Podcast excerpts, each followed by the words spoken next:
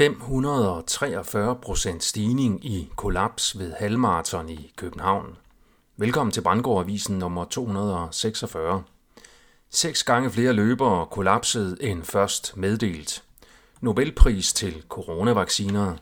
Woke-kritisk skribent fyret fra Jyllandsposten. Mit navn er Per Brandgård, det er den 5. oktober 2023. Seks gange flere løbere end først meddelt kollapsede og fik førstehjælpsbehandling under Copenhagen Half Marathon i år. Først lød antallet på 50, men nu er det markant højere. Over 200 kom i behandling, berettede Berlingske i går.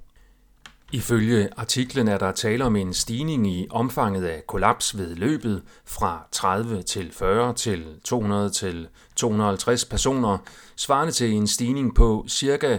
543 procent.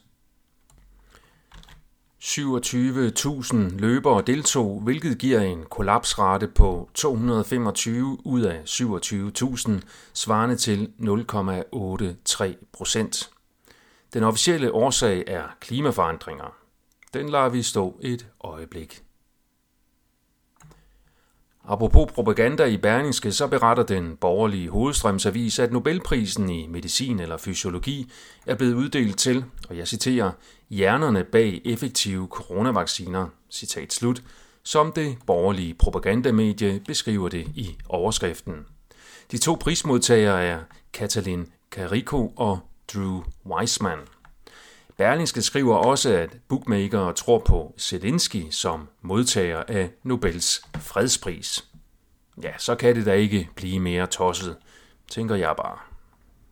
Det norske mediedokument skriver, at Michael Jalving er blevet fyret fra Jyllandsposten som skribent. Michael Jalving har skrevet flere skarpe og kritiske indlæg om woke-kulturen her på det sidste. Dokument fortæller, at Jyllandspostens chefredaktør Martian Niel Gertsen har en baggrund fra den yderste venstrefløj i Antifa-segmentet. Det tyder på, at Jyllandsposten er på vej i en helt anden retning, end hvor det kommer fra som liberal avis. Måske ønsker morgenavisen Jyllandsposten nu at leve op til sit gamle øgenavn, morgenfascisten Jyllandspesten.